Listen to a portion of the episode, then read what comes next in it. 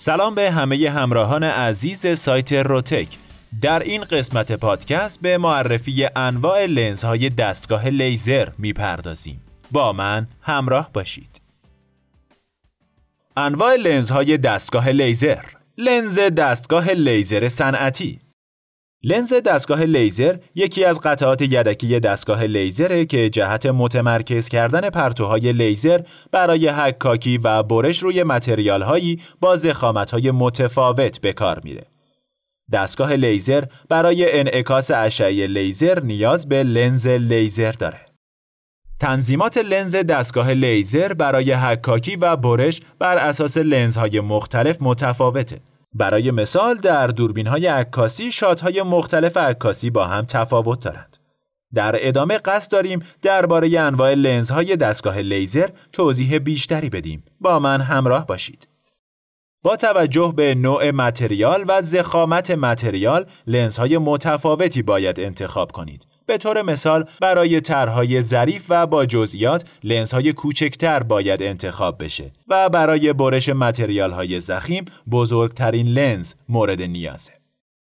انتخاب درست لنز همانند انتخاب درست پارامترها و تنظیمات بهینه فوکوس اهمیت زیادی داره. در نتیجه انتخاب مناسب و تنظیمات لنز از موارد مهمیه که باید رعایت بشه. اینکه چه لنز دستگاه لیزری رو انتخاب کنیم به این موارد بستگی داره. یک، سطح قدرت لیزر. دو، نوع مواد مصرفی. سه، جزئیات و دقت طرح گرافیکی مورد نظر. و چهار، زخامت مواد اولیه.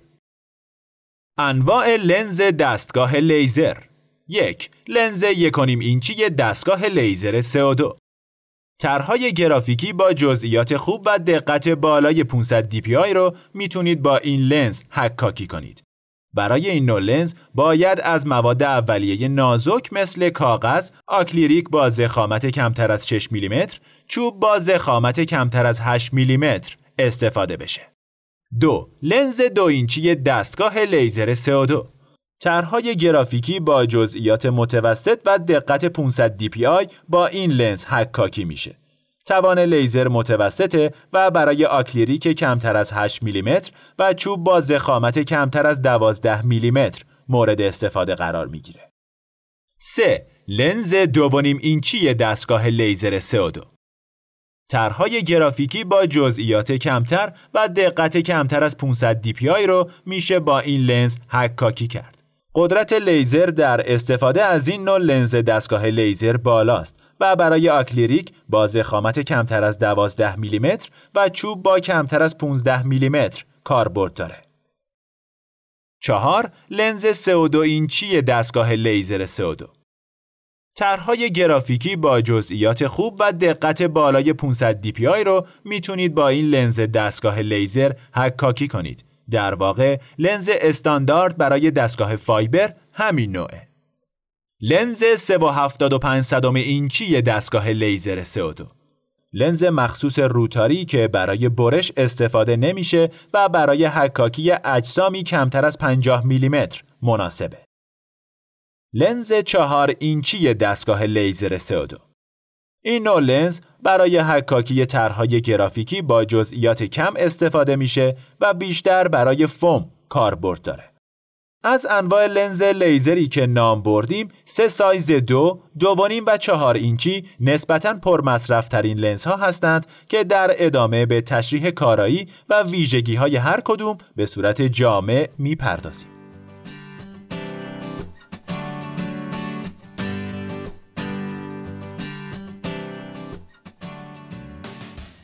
لنز لیزر دو اینچی ترکیب خوبی برای حکاکی و برش با قابلیت های بالا ایجاد می‌کنه. و به همین دلیله که این لنز رو به عنوان نوع استاندارد در بین همه لنز ها انتخاب کردند چون تقریبا با همه سیستم های دستگاه های لیزر همخونی داره. همچنین این لنز قابلیت جایگزینی با سایر مدل ها رو نیز داره. کاربرد لنز دستگاه برش لیزری دو اینچی این لنز با کیفیت بسیار بالا می‌تونه عملیات حکاکی و برش رو نسبت به متریالی که استفاده می کنید تا یک و دو دهم اینچ پردازش کنه. اگه شما هم جزو کسانی هستید که اطلاع ندارید چه نوع لنز لیزری برای شما کاربردی تره این مدل پیشنهاد خوبیه.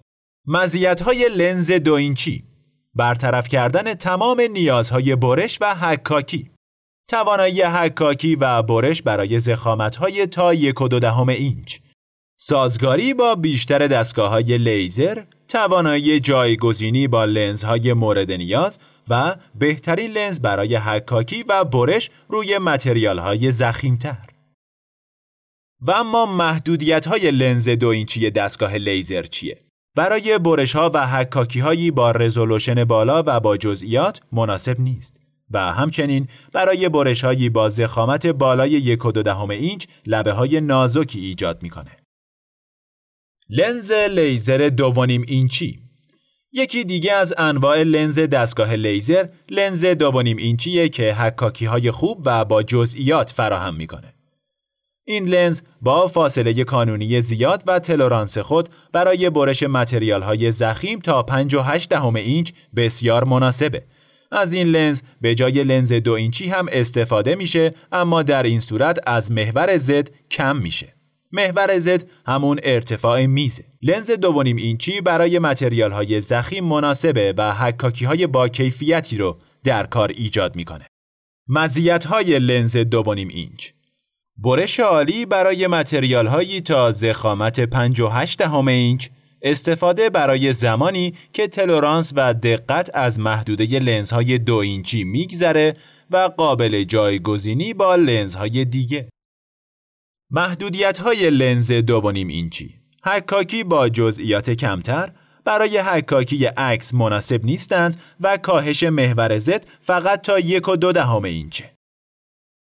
لنز چهار اینچی این لنز بیشترین فاصله کانونی رو در بین بقیه مدل ها داره و زمانی مورد استفاده قرار می‌گیره که تلورانس به عنوان یک موضوع مهم در نظر گرفته بشه و لنز های کوچکتر جوابگوی این دقت نباشند.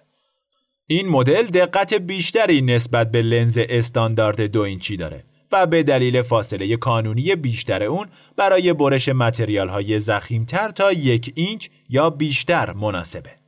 لنز چهار اینچی اشعه لیزر رو در فاصله بیشتری ایجاد می‌کنه که اون رو برای حکاکی روی بدنه اجسام مختلف مانند داخل کاسه یا جعبه مناسب کرده.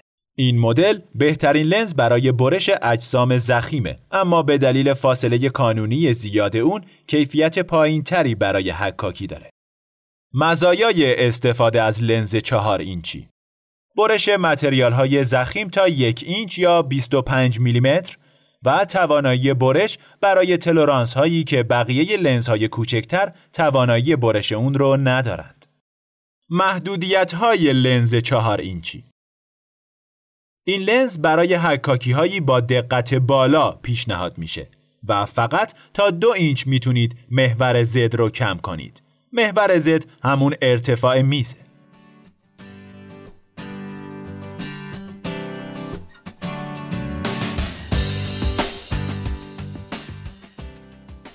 دلایل آسیب دیدن لنز. یک باز و بسته کردن نادرست. دو برخورد تراشه های برشکاری. سه عدم انجام نظافت منظم. چهار عدم تمیزی بالا و پایین لنز. و پنج شل بودن لنز که موجب خرابی لبه های متریال میشه.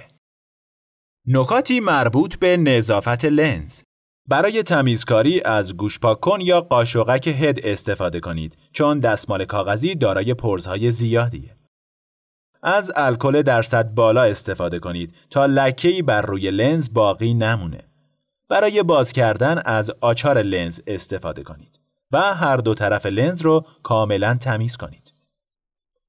اصطلاحات فنی تا به اینجا با لنزهای مختلف و ویژگی های هر کدوم آشنا شدید. در ادامه این پادکست یک سری واژگان و اصطلاحات پرکاربرد در رابطه با لنز دستگاه لیزر رو توضیح میدم. قطر پرتو قطر پرتو لیزر قبل و بعد از فوکوس بزرگ و بزرگتر میشه. در واقع فاصله کانونی لنز هرچه بیشتر باشه قطر پرتو لنز بزرگتر میشه. هرچه فاصله کانونی لنز بیشتر باشه، سطحی که انرژی لیزر بر روی اون اعمال می‌کنه نیز بیشتره. به این معنی که اگه از لنز بزرگتر استفاده کنید، متریال به جای برش گرم میشه.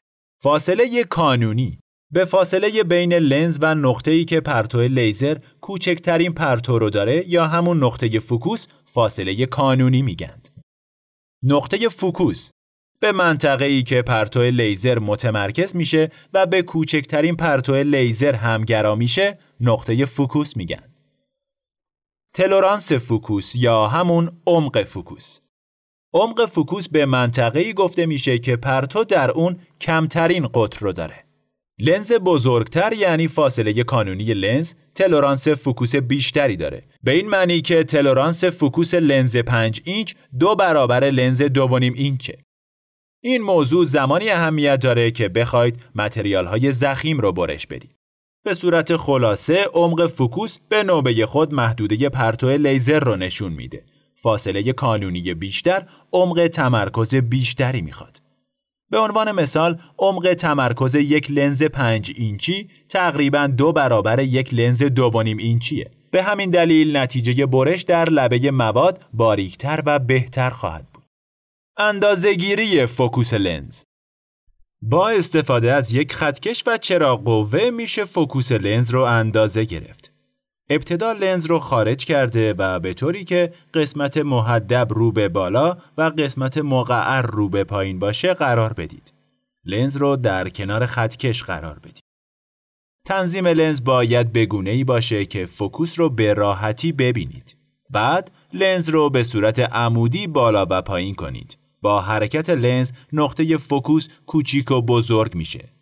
و هنگامی که نقطه کوچیک میشه عدد روی خطکش اندازه فوکوس رو نشون میده. خیلی ممنون که با من همراه بودید.